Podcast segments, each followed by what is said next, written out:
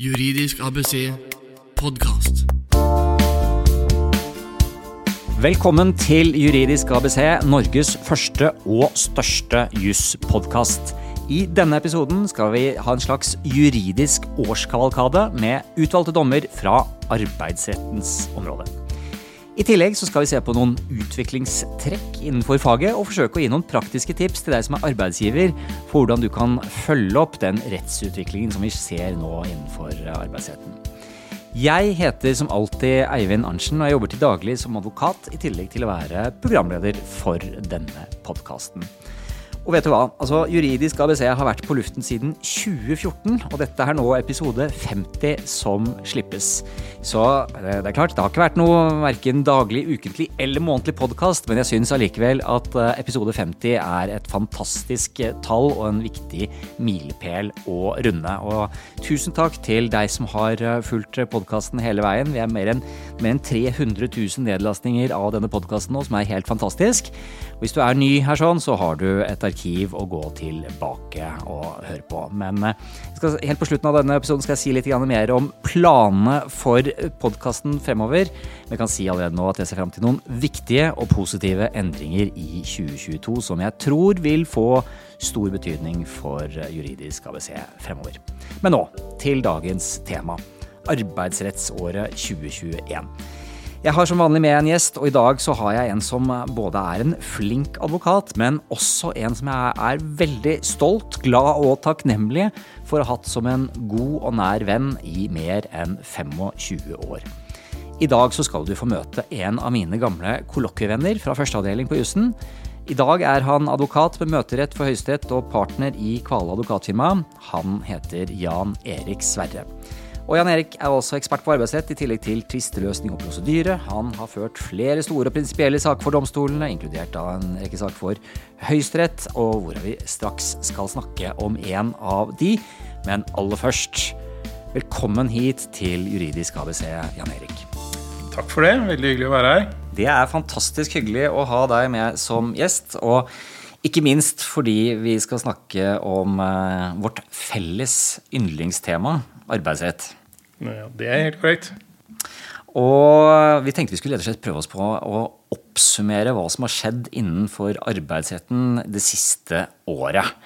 Eh, nå sitter vi mot eh, slutten av 2021, eh, og det har vært tolv begivenhetsrike måneder. I hvert fall vært noen høydepunkter underveis. Hvordan vil du beskrive det siste året fra ditt perspektiv? Det har jo som vanlig vært et spennende år for alle som liker arbeidsrett. Og sånn sett så er det jo en del å ta tak i. Så vi skal kaste oss over noen dommer og kanskje si litt om hva vi ser for oss av eh, utvikling videre. Det er noen, eh, noen lovendringer som sikkert er på horisonten også. Ta det mot eh, slutten.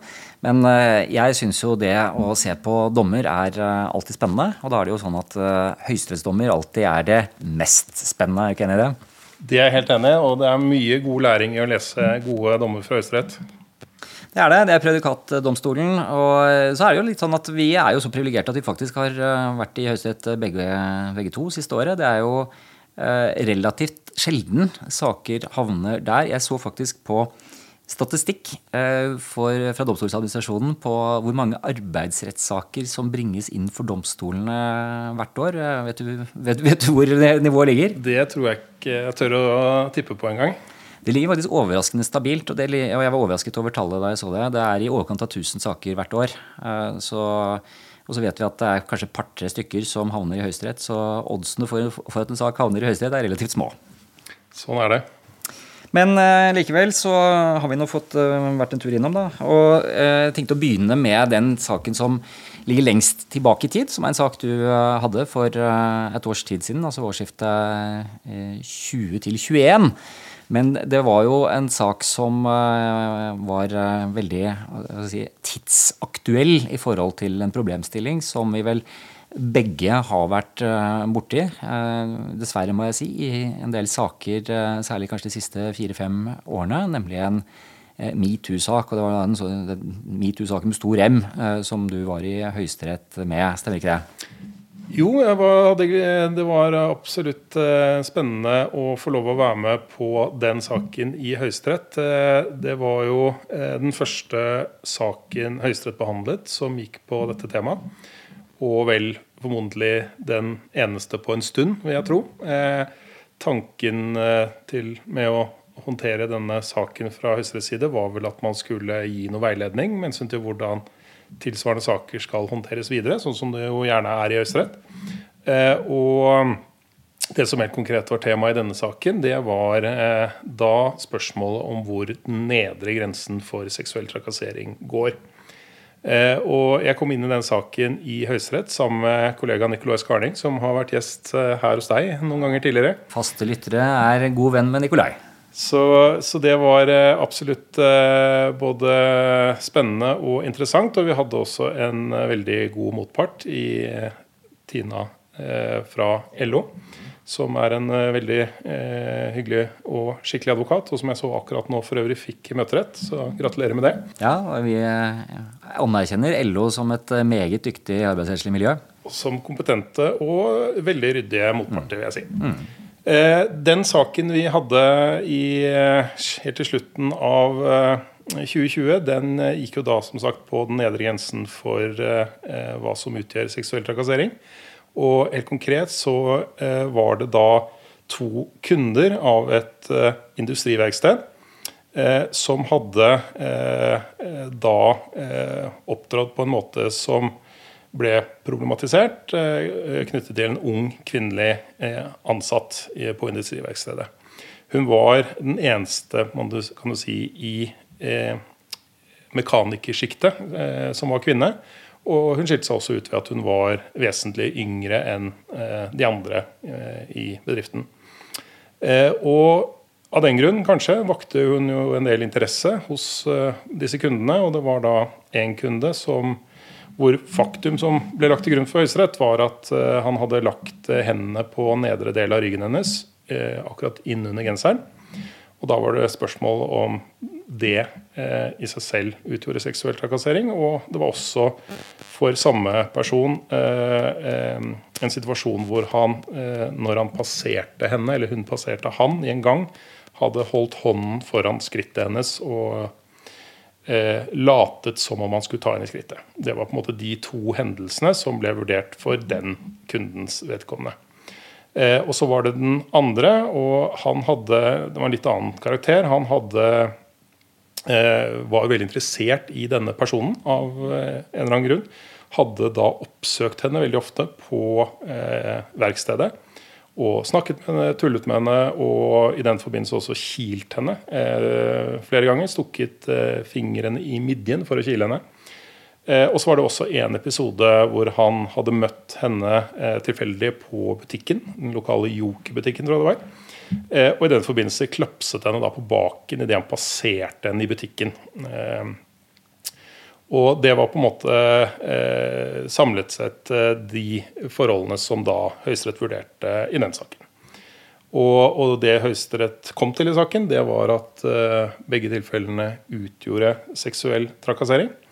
Eh, og man tilkjente da eh, oppreisningserstatning for eller eh, for begge. Ok, Så faktum i saken var disse to eh, hendelsene. To mm. personer som, uh, hvor den ene hadde lagt hendene på ryggen på, på kvinnen under genseren. Mm. Og det andre var denne hendelsen med i, i passering og strekker ut hånden. Ikke noe kontakt, men gir illusjon av at han skal ta henne i, i, skrittet. Det er det som er faktum i disse sakene.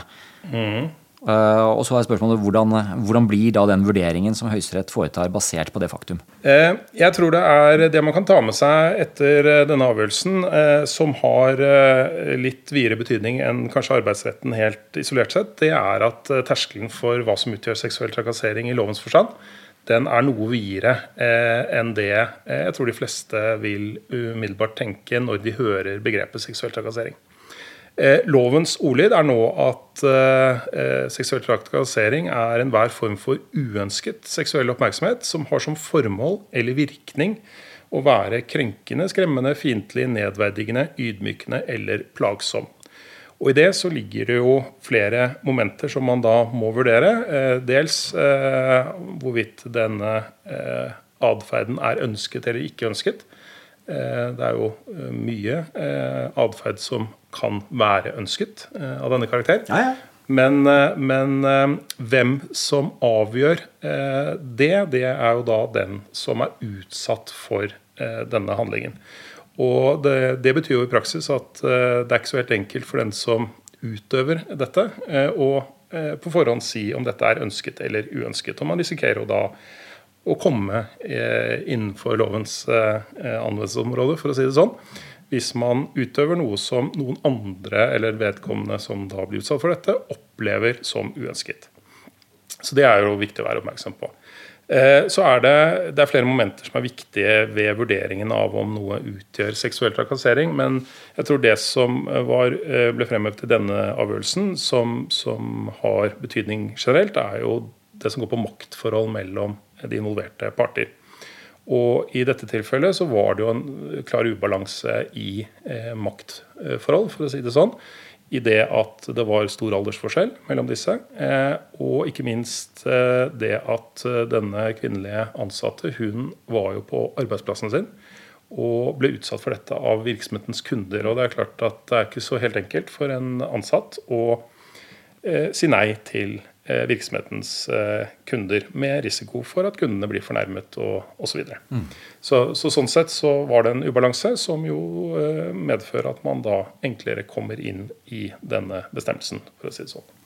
Asymmetriske maktstrukturer er vel det begrepet som ofte brukes der. Og det kan være alder, det kan være eh,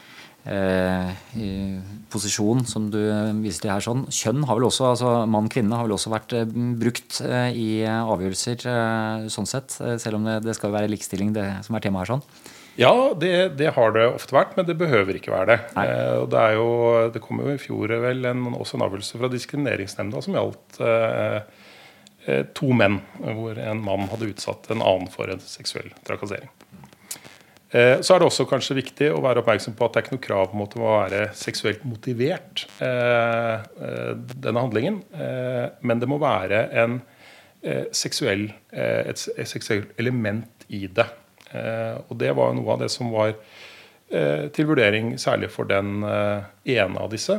Hvor eh, jo det ble anført fra vår side at det ikke var til stede. Men det var Høyesterett ikke enig i. Så også der har eh, Høyesterett gått ganske langt i å definere hva som, ligger, hva som utgjør seksuell oppmerksomhet i lovens forstand.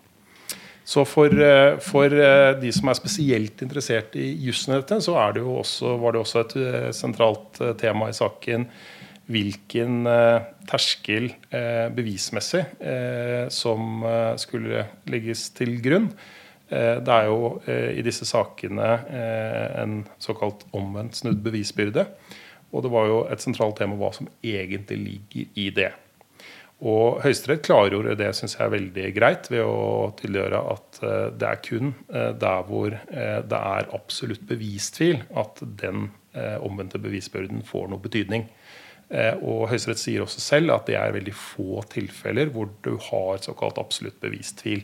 Så, sånn sett så har kanskje ikke den eh, bevisregelen så stor betydning som eh, mange, tror jeg, trodde eh, før eh, denne eh, avgjørelsen kom. Og så er det vel noe med disse sakene at eh, når man ser faktum i man får faktum fremlagt og, får det godt belyst, og innen det kommer oppover i domssystemet, så vil man jo ha en ganske god oversikt over de sentrale eh, faktaelementer. Så, eller det sentrale faktum, så, så har man vel egentlig det man trenger for å kunne foreta den vurderingen. Absolutt. Eh, absolutt en viktig og spennende dom eh, som jeg i hvert fall har opplevd at har fått betydning. Jeg har allerede hatt flere saker i en mer arbeidsrettslig kontekst eh, hvor eh, bistått arbeidsgivere hvor, eh, hvor det har vært den type problemstilling på arbeidsplassen, eh, og man da har eh, en dom å vise til, eh, og hvor det fort kan gi grunnlag for altså, si, veiledning med tanke på hvilken arbeidsrettslig reaksjon som er adekvat i den type situasjoner. Så det var metoo-dommen. Så eh, kom vi litt ut på året i 2021. Da var det min tur til å ta en tur i Høyesterett. Den såkalte servitørdommen. Jeg vet ikke hvor godt du kjenner til servitørdommen, Jan Erik? Jo da, både jeg og jeg tror mange med meg har lest den med stor interesse. Og ikke minst ventet på den med stor interesse når den, eh, når den kom. Ja, eh, det, vi ventet på den. Og eh, etter eh, at både tingretten og lagmannsretten hadde ment at oppsigelsen var, var gyldig, så hadde man jo også sine forventninger. Helt kort, så til faktum, så var, var det sånn i servitørdommen Litt sammensatt faktum, egentlig. For det var flere parallelle rettssaker denne servitøren var innblandet i. Men eh, den saken som sto for Høyesterett, der eh, var det en eh, servitør som hadde søkt arbeid ved en restaurant. Han hadde mm, banket på døren og tilbudt sine tjenester og, og blitt ansatt på prøvetid. Og hadde vært der i en, en periode, vært der et par måneder.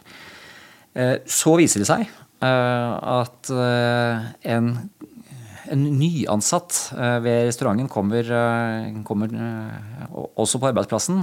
Hun oppdager at en tidligere kollega fra det forrige arbeidsstedet hun var ansatt, nå arbeider på denne, denne restauranten.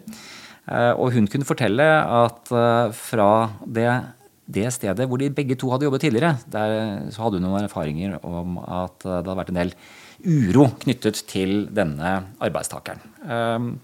Da ble jo egentlig arbeidsgiver i vår sak eh, litt i stuss, for eh, arbeidsgiver var ikke kjent med at servitøren hadde jobbet på noen annen restaurant eh, kort i forveien. Det var ikke noe informasjon om det på CV-en, og det sto til og med i søknaden at vedkommende ikke hadde hatt noen andre relevante jobber i den senere tid. Det var vel en positivt uriktig opplysning? Det er vel det det heter. Eh, det var, eh, var eh, Hull i CV-en er jo én måte å se det på. Men arbeidsgivers tilnærming til dette var jo å finne ut av hva var det egentlig som hadde skjedd på det tidligere arbeidsstedet, og tok kontakt med tidligere arbeidsgiver der og fikk beskjed om at vedkommende hadde blitt avskjediget pga. vold og trusler mot andre. Og fikk det også skriftlig uh, om at man, ja, man, fikk et, en skriftlig uttalelse fra den tidligere arbeidsgiveren om uh, vold og trusler. Og da valgte arbeidsgiver å gå til oppsigelse i prøvetiden, begrunnet i manglende pålitelighet.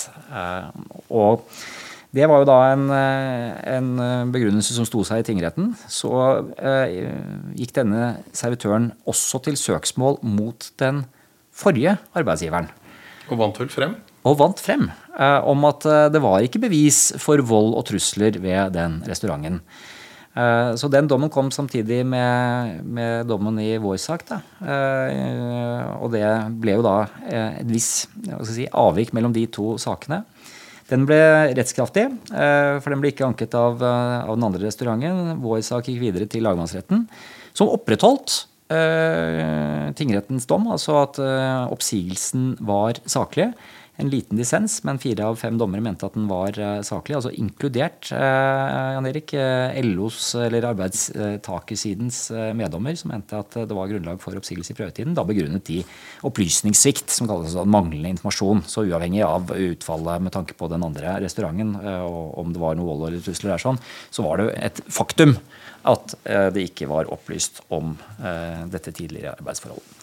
Det var det da eh, Høyesterett skulle, skulle, vurdere. og Så kommer saken til Høyesterett, og Høyesterett begynner jo med å vise til det vi kjenner til fra tidligere, nemlig at uh, i saker hvor spørsmålet er oppsigelse i prøvetiden, så uh, er det noe, ikke helt ubetydelig, lavere terskel for å gå til oppsigelse. Så den vanlige høye terskel som er for oppsigelse etter 15-7 i arbeidsmiljøloven, det er ikke den samme vurderingen etter 15-6 med prøvetidsbestemmelsen. Det er en lavere terskel. Men så ble spørsmålet om denne opplysningssvikten var eh, nok i seg selv til å, å si at det var eh, i, i, brudd med pålitelighetsvilkårene. Jeg vet ikke hva du tenker om det, eh, om det opp mot ordlyden her sånn? Jo, sånn intuitivt så, så treffes det jo av ordlyden. Men jeg tror nok de fleste med pålitelighet vil tenke på det at en ansatt møter opp i tide, gjør det vedkommende blir satt til arbeidsoppgaver, og sånn sett eh, er pålitelig når det gjelder arbeidsutførelsen. Men, men rent ordlydsmessig så er det ikke noe tvil tenker jeg, om at eh, det omfattes. Og det er vel Høyesterett også da, eh, slår vel Høyesterett også da fast i avgjørelsen. Det Høyesterett peker på sånn som jeg, av sentrale elementer, sånn som jeg ser det, er jo at den klare hovedregelen må være at arbeidssøker i utgangspunktet ikke har plikt til å opplyse om tidligere arbeidskonflikter. Altså Det er noe man kan unnlate å opplyse om. Altså en ufordelaktig bakgrunn sånn sett. Eh, men eh, så peker Høyesterett på og understreker at i den grad arbeidsgiver har, velger å spørre, at arbeidsgiver både har anledning til å spørre, og dersom man velger å spørre, eh, så kan ikke arbeidstaker gi positivt uriktig informasjon. Så peker man videre på da at i den grad tilbakehold av opplysning skal utgjøre en oppsigelsesgrunn basert på dette pålitelighetsvilkåret, som jo er en av tre grunnlag, særlige grunnlag som kan eh, benyttes da i prøvetid, eh, så må den, sånn som Høyesterett uttaler det, være klart illojal. Og Det er jo ikke så helt enkelt å si hva som da skal ligge i dette klart illojal-vilkåret. Det som vel var interessant i eh, din sak eh, spesielt, det, og som ga grunnlag for tvil, sånn som jeg oppfatter Høyesterett, det er jo at eh, arbeidstakeren her ikke bare nøyde seg med å la være å si noe om dette, men han ga jo også eh, positivt og riktig informasjon om hva han hadde gjort. Eh, når han refererer til at han hadde eh, arbeidet et sted uten relevans. og han hadde jo vært servitør det, hos denne tidligere arbeidsgiveren. og eh, unnlot jo da å si det. Eh, formodentlig fordi han ikke ønsket at det skulle komme frem at han var i denne arbeidskonflikten. Så skjønner vi jo at eh, For å, for å ta servitørens side her et lite øyeblikk, så, så, skjønner man jo at det er en vanskelig situasjon. og det er klart at det Høyesterett også peker på, altså Servitøren sto i en vanskelig situasjon. Han hadde mistet jobben. Han mente at det var urettmessig. Gikk jo til søksmål og fikk for så vidt uh, fastslått det fra, fra Oslo tingrett også. Eh, og eh, et av hovedhensynene ved arbeidsmiljøloven er jo å trygge, skape trygge arbeidsplasser og sikre trygge rammer i arbeidslivet og, og unngå utstøtelse av arbeidslivet. Og det er klart at det, Alle kan jo ha hatt et arbeidsforhold som man ikke ønsker å opplyse om, eller man, man har behov for litt sånn øh, ny start. Jeg mener jo at når man er i en, en prosess med å inngå en så viktig avtale som eh, arbeidsavtalen er. Det er jo få avtaler som er viktigere for oss enn arbeidsavtalen. ikke sant? Eh, da må man snakke sant. Det handler om det, sånn, det kontraktsrettslige, men det handler jo om at det er da du legger grunnlaget for lojalitet og tillit. Ja, og jeg tenker jo også, eh, Hvis man det, ser dette litt fra arbeidsgiverperspektivet, så, så, er det jo ikke noe tvil om at arbeidsgiver, eh, i hvert fall i privat sektor, har en stor grad av styringsrett akkurat når det gjelder hvilke person man vil ansette. Man står jo veldig fritt til å velge hvem man mener er riktig person. Eh, og det er klart at uh, dette blir jo et inngrep i den uh, styringsretten, for å si det sånn. Absolutt. Uh, og, og, og, det har jo betydning, fordi det er klart at når man først er ansatt, så har man, og skal ha, et sterkt stillingsvern. og da er det jo viktig at arbeidsgiver kan få velge den ansatte, eller den av de søkerne, som man mener er riktig for stillingen. Og jeg vil jo tenke eh, at eh, de aller fleste arbeidsgivere mener det er relevant å vite om eh, arbeidstaker den aktuelle arbeidstakeren har en forutgående historikk med arbeidskonflikt eller konflikter. Så, så, sånn sett så tror jeg nok det var en del arbeidsgivere, og kanskje en del på arbeidsgiversiden, for å si det sånn, som var skuffet over den avgjørelsen. Men nå har Høyesterett talt, og da må vi forholde oss til det. Og, og, det praktiske gode rådet må jo da formodentlig være at man rutinemessig spør om disse tingene. For det er klart at hvis en arbeidstaker da ikke opplyser om det, så har man i hvert fall et, eh, sånn som Høyesterett har formulert seg, et grunnlag for å kunne eh, gå videre med det.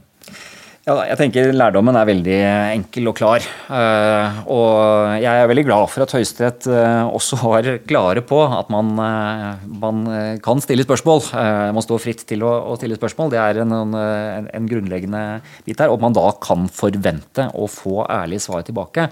Så det arbeidsgivere bør gjøre, er jo å sørge for å ha litt mer struktur og litt mer dokumentasjon, dessverre, knyttet til til tilsettingsprosessene. Sørge for å stille en del kontrollspørsmål på, med tanke på tidligere erfaring, arbeidserfaring og arbeidsforhold, og få det, det sånn sett dokumentert.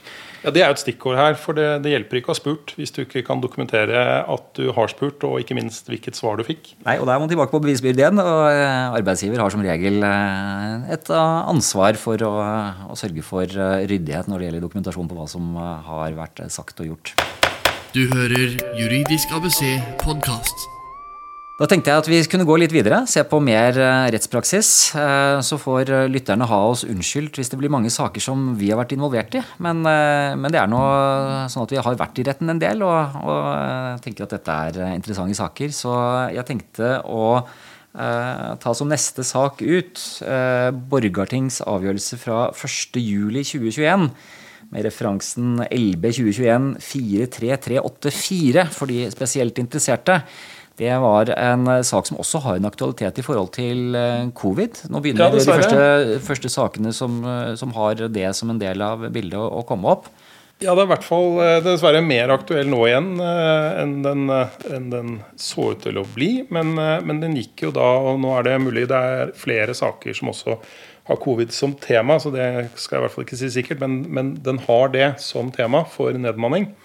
Eh, og sånn sett eh, tenker jeg jo en viss relevans. Eh, spørsmålet i saken, det var, eller litt om faktum først, det var en undervisningsbedrift med ikke så altfor mange ansatte som drev med kunnskapsformidling for eiendomsbransjen på ulik måte, bl.a. i form av nettverk, kursing og ulike former for programmer. Eh, og de hadde hatt en veldig hyggelig utvikling. Og de tre første månedene av 2020 var all time high. Eh, og så gikk de fra å eh, være der, hvor de aldri hadde hatt høyere omsetning, til i mars 2020 til å ikke ha omsetning overhodet. Dette var jo, dette var jo undervisningsbasert, eller altså fysisk oppmøtebasert i all hovedsak. Og det gikk jo da fra eh, full fart til null eh, over natten.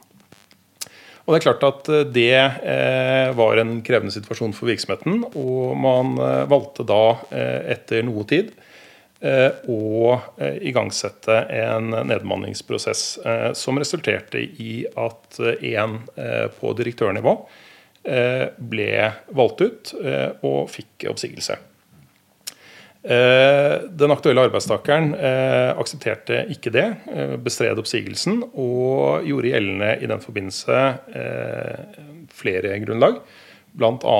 trakassering, gjengjeldelse etter varsling, og ikke minst at dette egentlig skyldes, skyldtes vedkommendes sykefravær og sykdomstilstand. At den reelle begrunnelsen for oppsigelsen var eh, sykefravær, og ikke eh, den nedmanningen som virksomheten mente at man hadde behov for? Ja, virksomheten begrunnet jo dette eh, i den eh, situasjonen man var kommet i, eh, som eh, etter virksomhetens vurdering, og virksomheten gjorde en grundig vurdering på det, som også ble skriftliggjort, at det var behov for å frigjøre ressurser. Eh, ikke nødvendigvis for å redusere eh, antall ansatte, men fordi man hadde behov for annen type kompetanse enn det man hadde i virksomheten.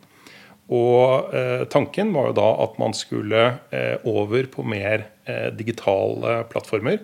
At man skulle digitalisere virksomheten. Og, det forutsatte Det hadde man ikke det hadde man ikke infrastrukturen til, for å si det sånn, og heller ikke kompetansen til å gjøre. Og det var nødvendig da dels å leie inn kompetanse til å gjøre det, og, og, og etter hvert også eh, kjøpe, eller altså ansette Eh, helt konkret så ble det da etter hvert ansatt en grafisk designer som kunne bidra til at virksomheten fikk en profil som, eh, som, som var god nok for å kunne fremstå som seriøs og skikkelig i det markedet man opererte.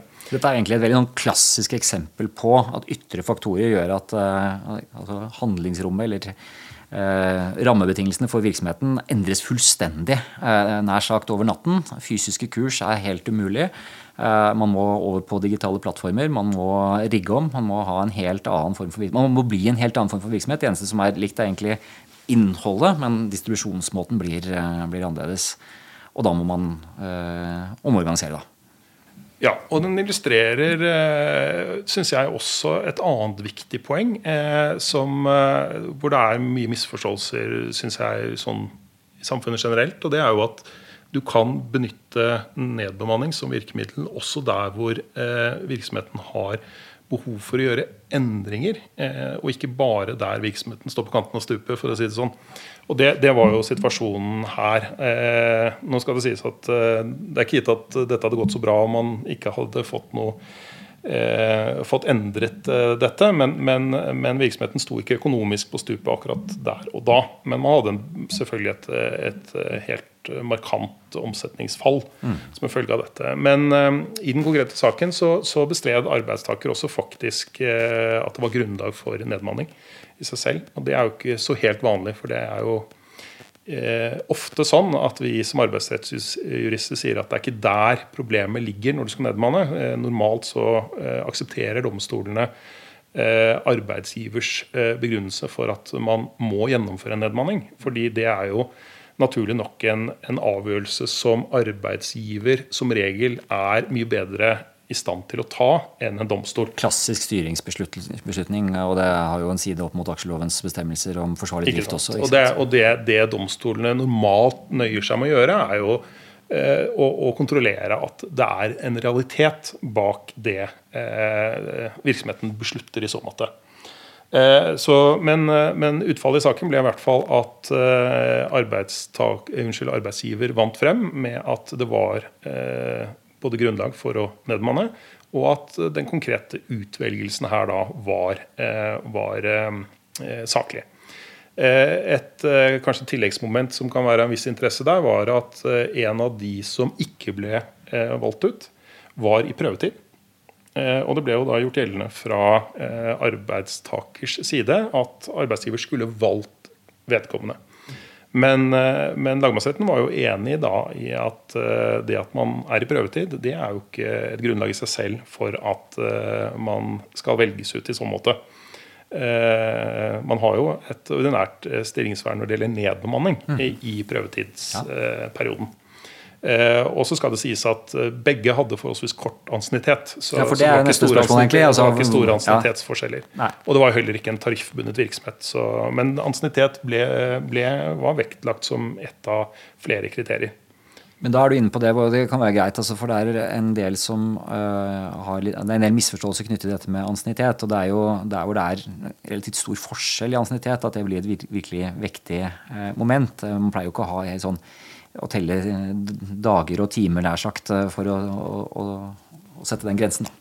Her er det jo litt forskjell på tariffvirksomheter selvfølgelig, og, og ikke tariffbundne virksomheter. Men, eh, men, en viss forskjell i, i, ansiennitet eh, må det jo være for at det skal ha noe stor betydning. Og så vil jo den totale lengden på ansienniteten også selvfølgelig ha betydning. Her hadde, I dette tilfellet hadde begge de som var aktuelle for utvelgelse, eller som var, de hadde da eh, relativt kort ansiennitet, som sagt. Mm. Bra. Eh, spennende at eh, man får dommer eh, på, på det området også. Jeg tenkte bare kanskje kan legge til én ting som er av betydning, som også ble vektlagt i, i avgjørelsen der. Det var jo eh, arbeidsgivers eh, dokumentasjon på de tiltak man hadde iverksatt for å tilrettelegge for den ansatte som var sykemeldt. Eh, og det gikk jo dels på hva man helt konkret hadde sagt til vedkommende når vedkommende ble syk, hvordan man hadde fulgt opp, og at man hadde eh, gjort de eh, grepene som man skal gjøre i disse sakene. Og da tenker jeg på dialogmøter, at man hadde laget oppfølgingsplan. Men i dette tilfellet så hadde man også gått ganske langt i å tilrettelegge fysisk. Man hadde, man hadde gått til innkjøp av diverse hjelpemidler for å hjelpe den ansatte osv. Og, og, og lagmannsretten vektlegger da det i sin avgjørelse eh, når man konkret vurderer hvorvidt eh, dette var begrunnet i sykefravær eller i nedbemanning som virksomheten hevdet. Det er veldig fint du sier, for dette med å, selvfølgelig å sette inn de nødvendige tiltakene, gjøre alt det man kan, virkelig oppfylle Eh, arbeidsmiljølovens eh, bestemmelser eh, for å, for å hjelpe arbeidstakere som er helt eller delvis borte pga. sykdom. Prøve å hjelpe dem tilbake til å få en full stilling igjen. Det er jo veldig strenge krav som ligger i arbeidsmiljøloven, og da må arbeidsgiver være på. Sette inn de tiltakene man, man har mulighet til. og og Der er det jo en ny sak, eh, også på vei eh, inn til Høyesterett nå. Eller den er vel berammet til 4.1, hvis ikke jeg husker helt feil. Så det blir spennende å se hva Høyesterett sier i så måte. Ja. Men, eh, men, det er jo et absolutt et poeng. Og, og den angjeldende ansatte i denne saken var jo i, innenfor verneperioden på et år. Så med de konsekvenser det har for beviskravet. Da. Men uh, til tross for det så, så kom lagmannsretten til, i dette tilfellet til at uh, det var grunnlag for oppsigelse, og at utvelgelsen var saklig. Så, men det er, eh, det er, eh, jeg tror det kanskje det viktigste å ta med seg fra den avgjørelsen, er betydningen av dokumentasjon på at man har gjort de riktige tingene underveis. Både når det gjelder saksbehandlingen, som i dette tilfellet var veldig grundig, eh, og ikke minst dokumentasjon rundt eksempelvis sykefraværoppfølging, som i dette tilfellet ble viktig. og og det jo, ble også anført trakassering her, som man kunne dokumentere at man ikke hadde gjort hadde jo eh, en podkast med din gode kollega Nikolai for noen år tilbake om eh, sykefravær, eh, oppfølging og oppsigelse. Men ser jo at det har kommet nye dommer til, så kanskje bør man etter hvert ha en liten oppdatering i forhold til det. Dette var i hvert fall lite, en liten ajourføring på, på én ny dom fra Borgarting i fjor. Juridisk ABC podkast. Så tenkte jeg vi skulle se på en høyesterettsdom til, som er eh, fra Det er ikke sykefravær, men det er fra sykehus, den såkalte journalsnokedommen, HR 2021-2389a, eh, som gjaldt en helsefagarbeider ved et sykehus som hadde tilgang på journalsystemet, eh, og hadde benyttet den tilgangen til å se på journalen til en person hun kjente til. Hadde en, en form for tilknytning til. Du kan kanskje si litt mer om det straks, Jan Erik. Eh, helt kort eh, her sånn, så var eh, jo da situasjonen at hun hadde gjort seg kjent med helseopplysninger gjennom systemet. Det er slik at hvis man som lege eller sykepleier går inn og slår opp i journalen, så blir alt sånt logget. Og her fant da sykehuset ut at vedkommende har vært inne og og snoket, som det heter i denne sammenheng. Eh, og eh, sykehuset gikk da til oppsigelse fordi man mente at dette var brudd på arbeidstakers eh, plikter. Og Hva tenker vi om denne dommen, Jan Erik? Nei, altså, Det var, det var et litt sånn pikant faktum. Altså, den, Denne helsefagarbeideren hadde da vært inne og sjekket journalen til kjærestens ekskone. Eh, som hun da hadde en såkalt negativ relasjon til. Eh, og det, sier Høyesterett, gjør det mer alvorlig. Og spørsmålet her var jo eh, om sykehuset hadde saklig grunn til å si opp helsefagarbeideren som en følge av denne urettmessige snokingen. Da. Altså at vedkommende hadde vært inne og lest i pasientjournalen uten noe såkalt tjenestelig grunn. Altså hun hadde ikke noe var ikke, hun var ikke i noen situasjon eh, eller hadde ikke noen tilknytning i sin jobb som gjorde at det var eh, relevant for henne å gå inn og se på denne journalen. Eh, og Høyesterett gjør jo en del viktige avklaringer i den saken. De fastslår at overtredelse av, et, av forbudet mot å gjøre dette, denne snokingen, da, at det representerer et alvorlig pliktbrudd. For det er ulovlig. Dette er brudd på helsepersonelloven. Ja, og sånn sett eh, også da et alvorlig pliktbrudd eh, i arbeidsrettslig forstand. Ja.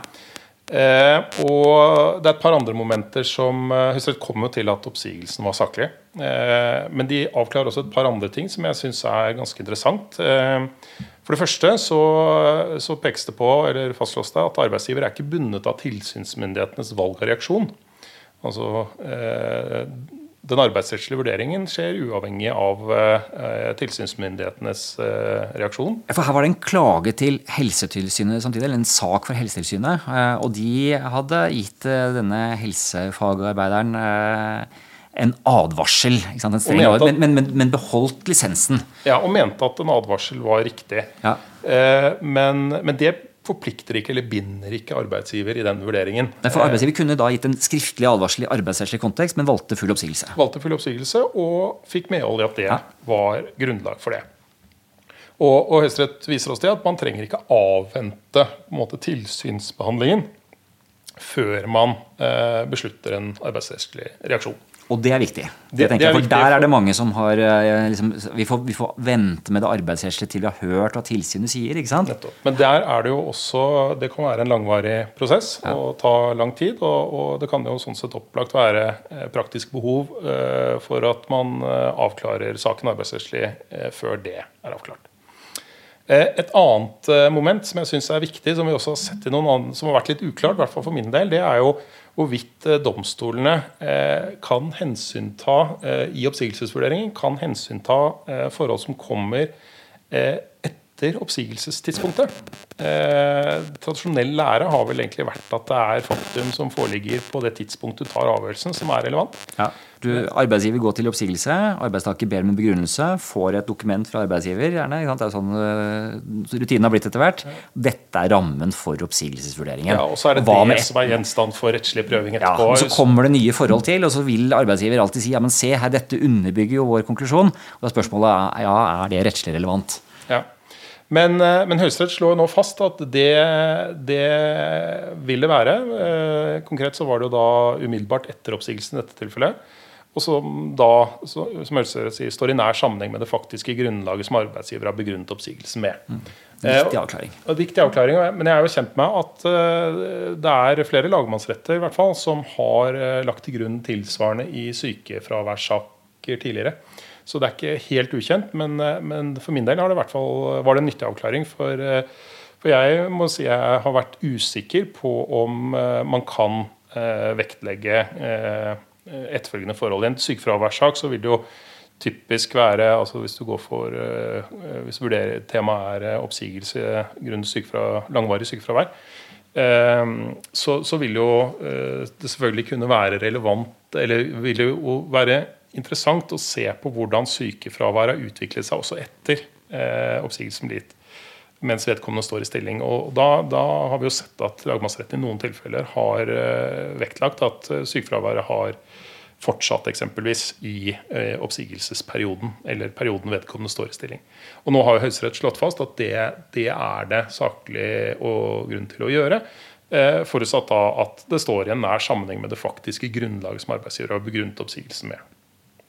Ja, jeg må jo innrømme at jeg tenker på det, Nå var ikke det en 2021-dom, men det var en sak jeg hadde i Borgarting i 2020. Uh, hvor det var uh, litt, litt ulike elementer, men et av de gikk jo på manglende tillit uh, til medarbeidere som følge av en lang rekke pliktbrudd. Eh, og et av stridstemaene var eh, faktum, en del av faktum så hvor eh, arbeidstaker hadde hatt én historie eh, i tingretten, eh, og for så vidt fram til vi sto i lagmannsretten, eh, og eh, innrømmet i lagmannsretten at det var nok kanskje ikke helt sånn som han hadde forklart seg, bl.a. for tingretten. da.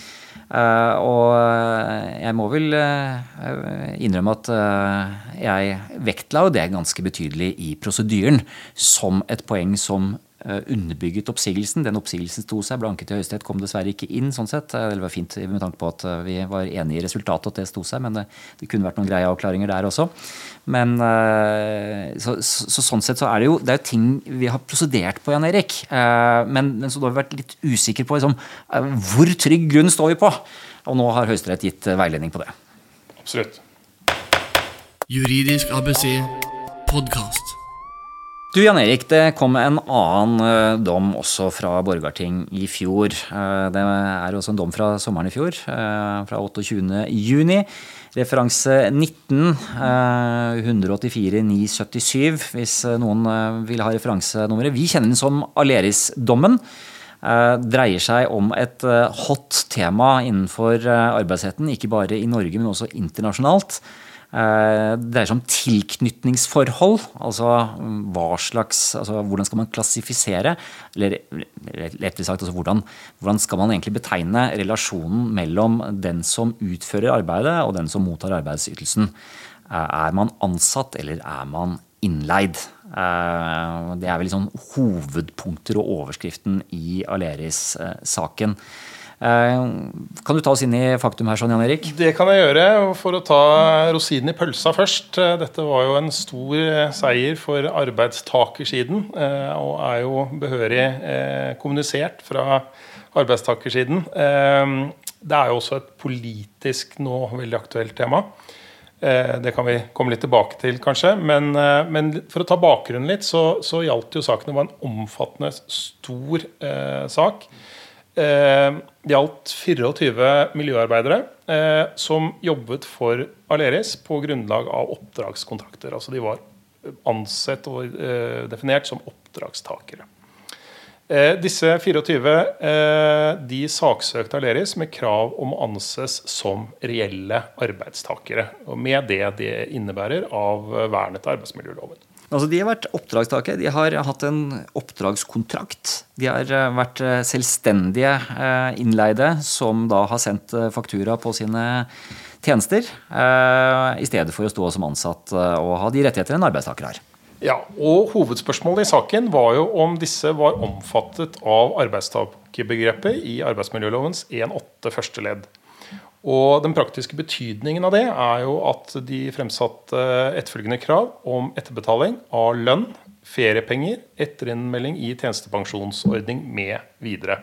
Og den rettslige klassifiseringen eh, av eh, disse, altså hvorvidt de var å anse som oppdragstagere eller arbeidstagere, vil jo da ha avgjørende betydning for disse etterbetalingskravene.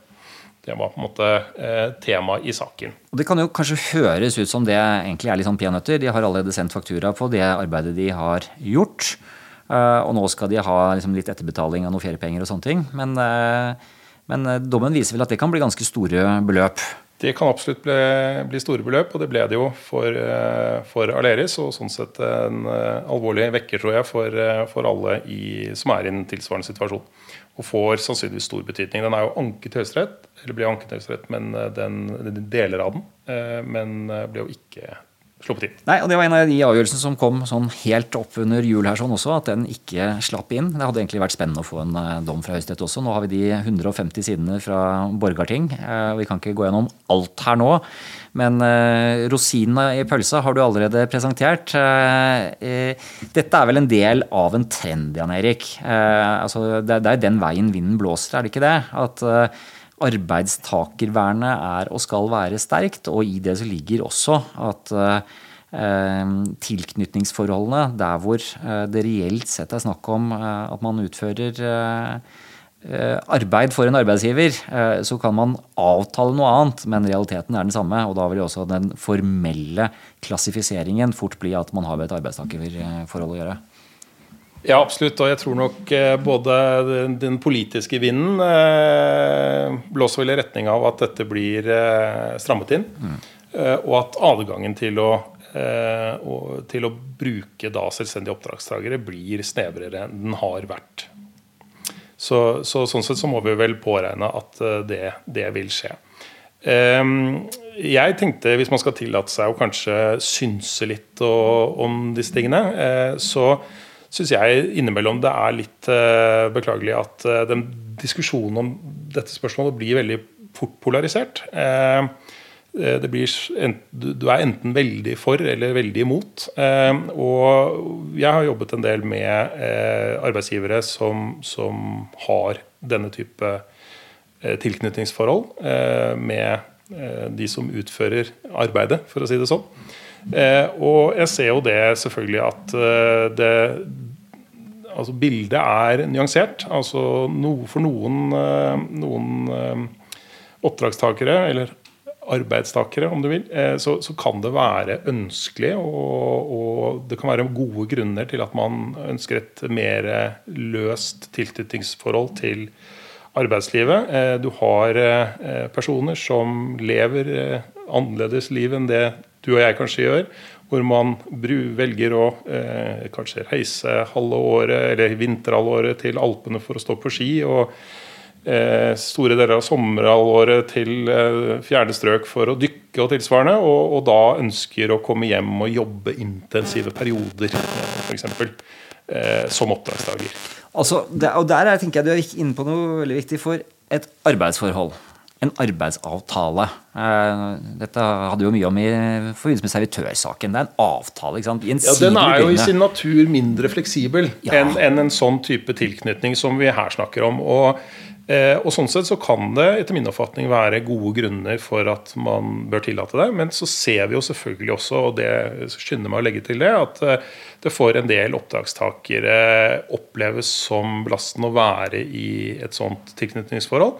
Eh, at man i stor grad for alle praktiske formål kanskje er eh, tilsvarende eh, som, som ansatte. Altså man har en Eh, selv om man kanskje formelt sett ikke har en sånn, eh, sånne forpliktelser som en ansatt har, så, så, vil man ha det for å få nye oppdrag, eksempelvis. Eh, så, så, så, det er absolutt gode grunner til å, å håndheve dette også strengt. Men, men jeg syns som sagt det, er, det kanskje er litt beklagelig at diskusjonen blir så polarisert, og at man da Eh, ikke eh, åpner for eh, dette der hvor det er ønskelig og praktisk, både fra arbeidstakersiden for å bruke det begrepet da, og arbeidsgiversiden.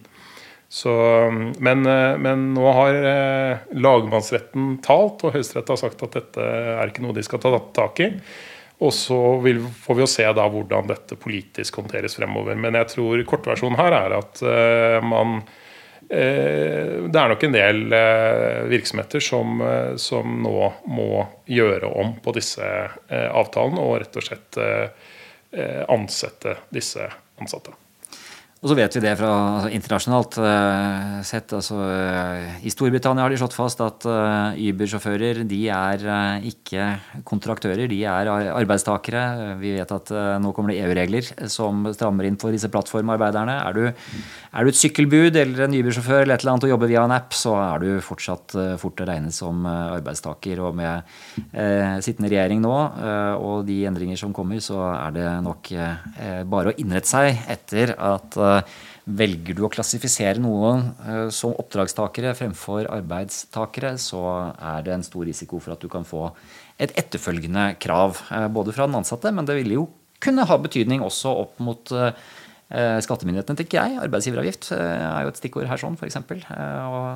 Uten sammenligning for øvrig. Det er jo vi har et storting nå som har en større ryddejobb på, på en del ytelser. Eh, og det er vel ingen som vil være i den situasjonen. Da tror jeg det er bedre å ha en litt eh, konservativ klassifisering i utgangspunktet. Hvis vi skal oppsummere dommen, da, det som kommer fra, fra lagmannsretten her, så, så er stikkordene at personlig arbeidsplikt og utøvelse av ledelse og kontroll, det er helt avgjørende. Eh, og øvrige momenter i denne vurderingen som man da må gjøre, synes å ha minimalt med vekt dersom ovennevnte momenter taler for arbeidstakerforhold. Adgangen til å inngå nye avtaler eh, med, eller avtaler med oppdragstakere er snever. Ordlyden i kontraktene er sentral. Eh, og det er en snevrere adgang til oppdragsforhold dersom rettslige plikter til å utføre tjenestene på en bestemt måte. Og så må det foretas en konkret vurdering i den enkelte sak. Det er på en måte sånn stikkordsmessig eh, oppsummert, tenker jeg. Eh, og for de som, eh, Det er sikkert noen som lurer på hvorfor vi kaller den eh, Aleris-dommen, for dette selskapet heter vel nå Stendig. Mm. Så de endret navn underveis. Så, så, det er jo en del som omtaler denne avgjørelsen som Stendig-dommen, men det er jo samme avgjørelse. Du hører Juridisk ABC podkast. 17.12. kom det en ny dom fra Høyesterett eh, som gikk på lønnstrekk. Og i den saken så var det en eh, stor arbeidsgiver som hadde standard arbeidsavtaler, som eh, vi har sett mange ganger, Jan Erik, med en klausul hvor det sto er det ved lønningsdag foretatt feil utlønning, kan arbeidsgiver foreta den nødvendige justering ved neste eller påfølgende lønningsdager. Og den formuleringen eller lignende formuleringer fins det i I hvert fall i hundretusenvis av norske arbeidsavtaler, kanskje også millioner av arbeidsavtaler. Det er en veldig standard formulering. Og spørsmålet i denne saken var jo hvilken verdi har disse ordene når det i praksis blir behov for arbeidsgiver for å foreta en eh, etterfølgende justering av lønn fordi man har betalt ut feil eller da for mye lønn. Disse sakene dreier seg stort sett om eh, der hvor det er utbetalt for mye. da. Det ligger jo litt i sakens natur. Arbeidsgiver har ved lønnskjøring betalt ut for mye penger. Trenger å få de pengene, eller ønsker å få de pengene tilbake fra arbeidstaker.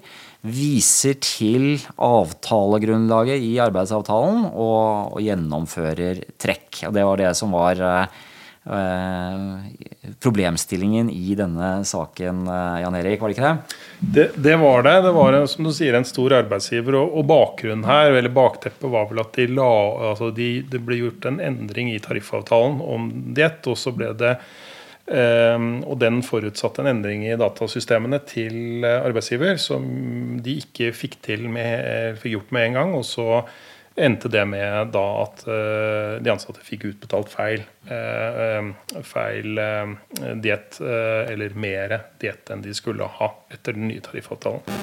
Og, I denne avgjørelsen så, var det også et spørsmål om tilbakebetaling etter læren om conditio debitiv. Det er ikke så relevant i denne sammenheng, for det, det viktige arbeidsrettslige poenget her, og som jo det var viktig eller nyttig å få en avklaring på, er jo helt konkret om spørsmålet eh, som du har vært inne på, om man kan da eh, tilbake, eller om arbeidsgiver kan trekke dette eh, med henvisning til en sånn generell eh, avtaleklausul som jo finnes i de aller fleste vil jeg si, arbeidsavtaler. Og veldig mange maler, som jeg har sett, i hvert fall, så, så er dette inne.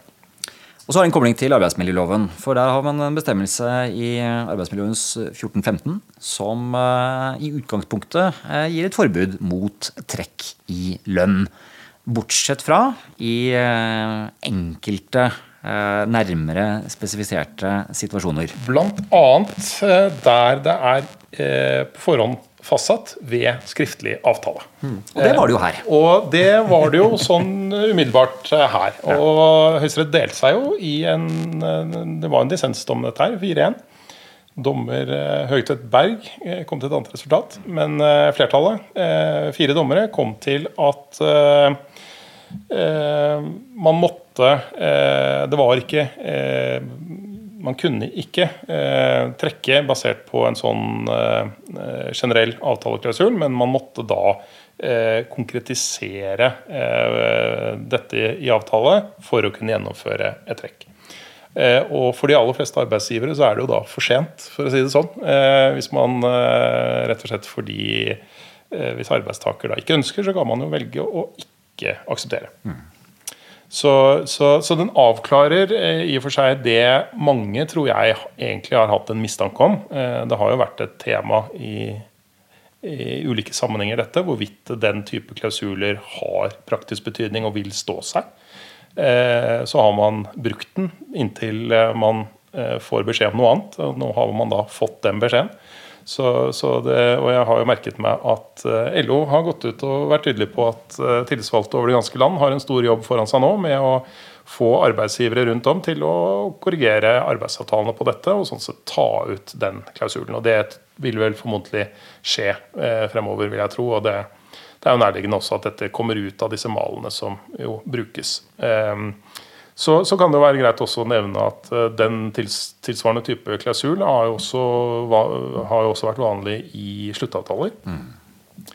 Eh, og så kan man jo stille spørsmål om vurderingen blir den samme der. Da er man jo eh, kanskje i en annen situasjon, men eh, jeg tror nok hvis jeg skulle vedde på dette, at, eh, pengene, at jeg hadde satt pengene på at jeg skal følge samme modell som Høyesterett la opp til det er vel det sikreste å være, være, litt konservativ i den eh, tilnærmingen. Uh, og, så sitter jeg og tenker uh, Det blir jo noen interessante problemstillinger da, hvis du fremover har Sånn som i denne saken så var det snakk om drøyt 7000 kroner som var utbetalt for mye, og som skulle trekkes da over seks måneder. Så det var 1300 kroner ca. I, i måneden, vel, som arbeidstaker måtte, da bli trukket, men det var jo penger som vedkommende hadde fått utbetalt. Eh, selvfølgelig da, eh, det var dette med kodiktiv og at det var, var brukt opp osv. Men, men relativt, eh, relativt små beløp. Jeg tror, eh, selv om det er når vi spiller inn dette, så er det strømkrise og, og mange, mange, sliter, men man tror man kan si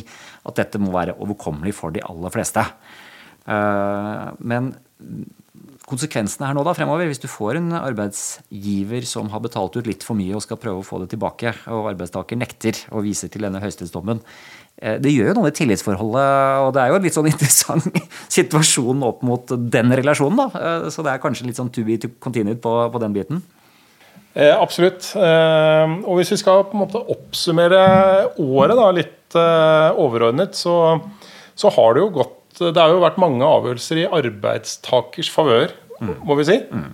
Så i den grad man skal, kan snakke om en tendens, så har jo Høyesterett eh, i år vært eh, arbeidstakervennlig.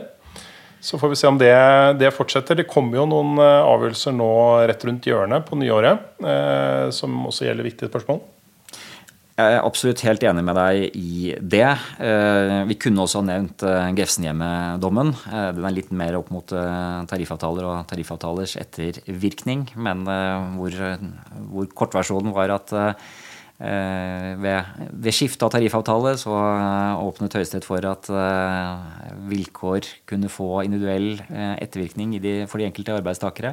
Men igjen en illustrasjon på at Høyesterett er ganske så arbeidstakervennlig. Jeg er helt I hvert fall har vært det i år. Ja, nei, de, de, de har, det, det, er faktisk over lengre tid. Jeg har sett på statistikk på det. og Eh, arbeidsgiver har best odds i, i lagmannsretten. Eh, og over tid så er det sånn at i arbeidsrettslige eh, saker så, så vinner arbeidstaker som regel når saken først kommer opp til Høyesterett. Men som sagt, det er et par av tusen saker som havner der, så det er klart at totalt sett så er sakstilfanget noe begrenset. Men det er en interessant, eh, interessant faktum at eh, f.eks. når det gjelder prøvetidsbestemmelsene, som vi snakket om på servitørsaken, eh, der arbeidstaker altså vant i siste runde. Men det viser seg altså at vi har hatt prøvetidsregler nå i over 40 år. Uh, og ja, ca. 40 år. Og uh, arbeidsgiver har aldri vunnet en uh, oppsigelsessak i Høyesterett Eh, etter arbeidsmiljølovens regler. Du har én som er tollaspirantloven, men det er gamle tjenestemannsloven, så det er eh, tjenestemannsretten. Men, men ingen uh, saker hvor arbeidsgiver har vunnet. Det syns jeg er et tankekors. Uh, I prøvetiden hvor terskelen jo som kjent er uh, ikke betydelig lavere enn ved ordinær oppsigelse etter 15-7 arbeidsmiljøloven. Men helt til slutt, Jan Erik. Hva ser vi på horisonten for 2022? Du var inne på dette med ny, eh, ny avgjørelse fra Høyesterett på sykefravær. Men det er jo noen eh, lovendringer underveis også? Ja, vi kan jo bare Når vi var på dette med de nye avgjørelsene, som står eh, for Høyesterett nå, så, så, kommer det jo gjennom søksmålsfristens utgangspunkt ved virksomhetsoverdragelse. Og ikke minst en som jeg er veldig spent på, hvilke plikter arbeidsgiver har til å tilrettelegge i oppsigelsessaker. Det er jo et spørsmål som som ikke som, Det er sykefraværssaker. Ja, som ja. ikke Høyesterett har uh, egentlig sett på Det er kjempespennende. Det, tidligere. Og den det, kommer i januar. Sannsynligvis. Eller januar-februar. Ja, så den, den er uh, absolutt spennende. spennende. hvis vi skal se på de nye lovene som kanskje får betydning, så, så trer det jo en viktig lov i kraft 1.7.2022. Åpenhetsloven. Mm. Det blir jo på en måte GDPR holdt jeg på å si, en gang til. Det blir jo en ny næringsvei for advokater Og å rådgi på, på åpenhetsloven. Det tror jeg blir et eget fagområde som eh, til å, hvor mange kommer til å ha behov for bistand. Det er jo et eh, komplisert og omfattende regelverk som veldig mange virksomheter må forholde seg til. Det er for større virksomheter? Det er for større virksomheter. Eh, og det er jo den eh, Loven oppstiller egentlig tre hovedoppgaver. Man må som eh, virksomhet ha en plikt til å utføre aktsomhetsvurderinger. Man har en plikt til å redegjøre for aktsomhetsvurderinger, og man har en plikt til å gi informasjon. Formålet med dette er jo å fremme Det er jo absolutt gode hensyn som man søker å ivareta her. Man skal fremme da virksomhetenes respekt for grunnleggende menneskerettigheter, som jo er blitt stadig viktigere i norsk rett. får jeg si. Og anstendige arbeidsforhold. Og man skal sikre allmennhetens tilgang til den informasjonen. da. Så mm, det blir, det, men det blir som sagt et, et stort lerret å bleke, tror jeg, for, for mange. For, for dette, er, dette, er, nytt og, og må Eh, og kanskje ikke så helt enkelt å få tak i uh, uten bistand. Det er litt sånn, eh, tenker jeg, litt sånn uh, formell normering av CSR-arbeid. I hvert fall deler av det. Uh, for, å, for å, å, skape et bedre fremtidig arbeidsliv, kan vi kanskje si er sånn. Så er det en annen eh, lovendring som eh, vil komme, tenker jeg. Det er bare spørsmål om hvilken dato som blir satt på eh, gjennomføring. Og det er at det forsvinner en bokstav i 14.9 i arbeidsmiljøloven. Gjør det ikke det? Det er vel ting som tyder på det. Det har jo vært tydelig kommunisert fra regjeringens side at den ligger dårlig an, for å si det sånn. Det er da retten til midlertidig ansettelse uten å Uten noen nærmere begrunnelse, egentlig. Ja, ja, en sånn generell adgang som kom for ja, seks-syv år siden. Ja. Og jeg har merket meg at Fogner-utvalget, eh, som man må, vel må kunne si var kompetent besatt, Absolutt. Sånn, har vel gitt uttrykk for at det er helt greit. Ja. og min erfaring er jo også at den bestemmelsen nok har vært mindre brukt kanskje enn det vi forventet når den kom. Mm.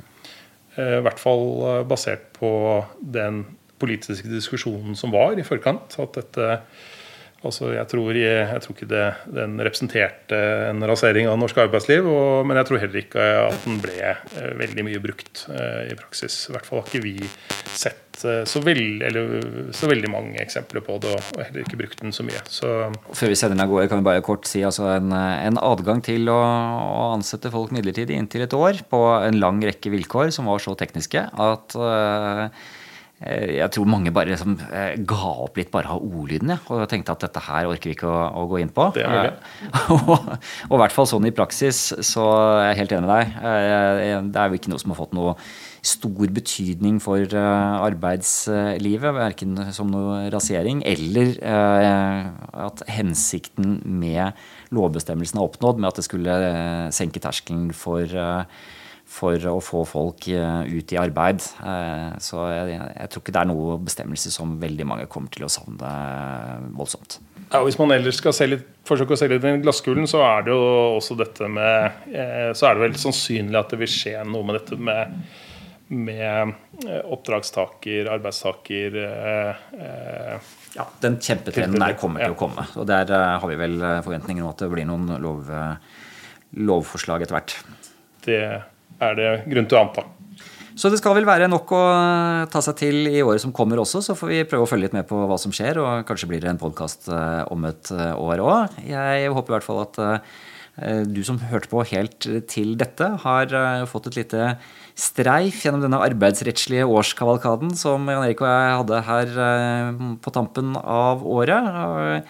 Eh, det er klart Vi må jo ta det sedvanlige advokatforbeholdet om at eh, vi har eh, skrapt litt i overflaten. Her er det mange spennende avgjørelser som man kan fordype seg i hvis man har tid og lyst til det. Noen flere ting vi bør si her sånn før vi sier takk for i dag, Jan Erik? Tror ikke det. Bortsett fra å ønske alle en riktig god jul og et godt nyttår. Du hører Juridisk ABC podkast. Det var dagens episode, det. Og som du hører, så har det vært et spennende 2021. Og vi håper jo selvfølgelig på et spennende 2022 også.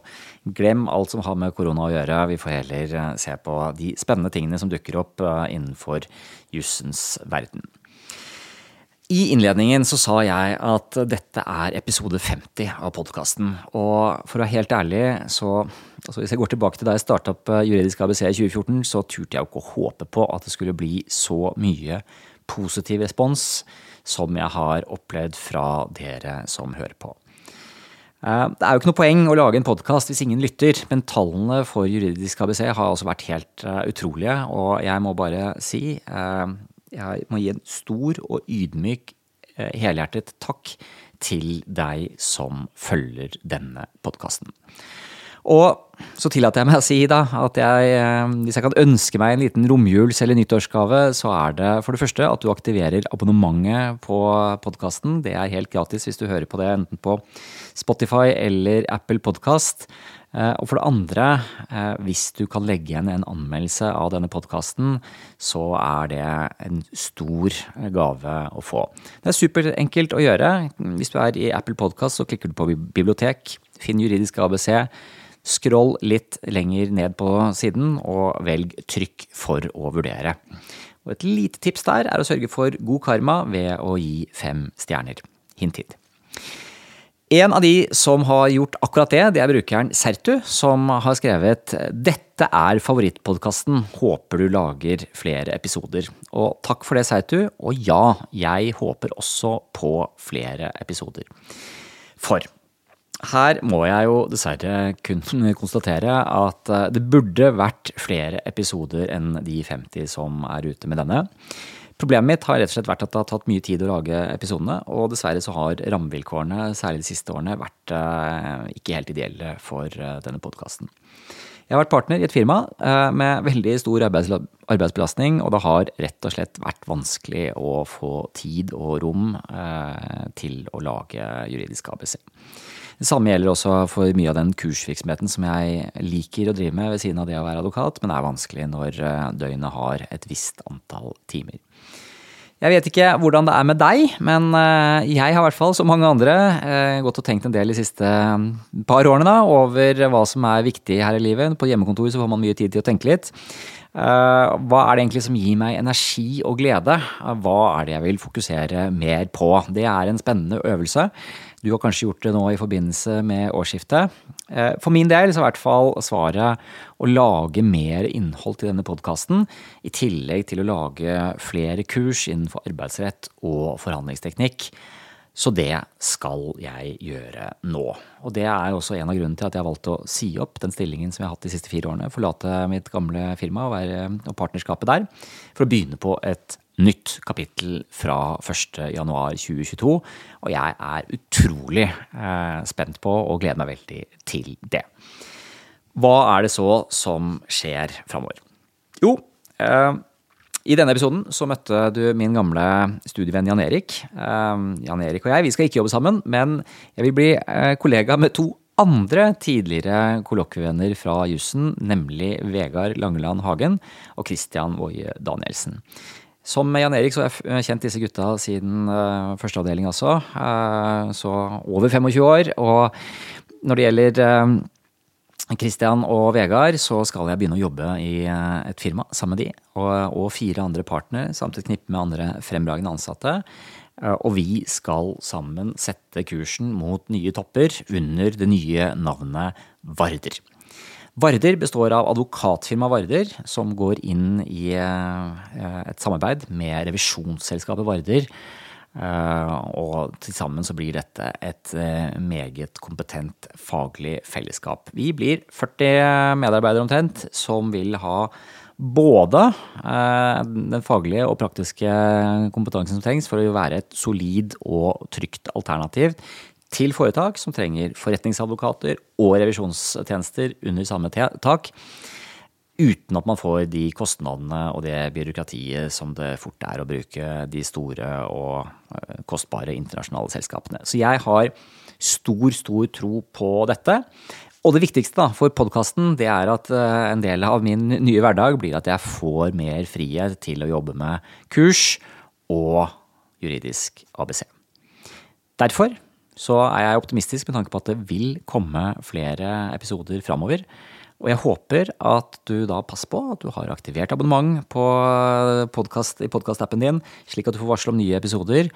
Og selvfølgelig også, som sagt, at du legger en liten, eh, gir et lite positivt dytt ved å legge en liten vurdering i Apple Podkast. Uh, det er det jeg ønsker meg mest av alt nå når vi er på vei inn i det nye året. Jeg har stor tro på 2022. Jeg håper du også får et fantastisk 2022, at vi kan tilbringe mer tid sammen igjen. La oss være positive og optimistiske, uh, og med det så ønsker jeg et godt nytt år.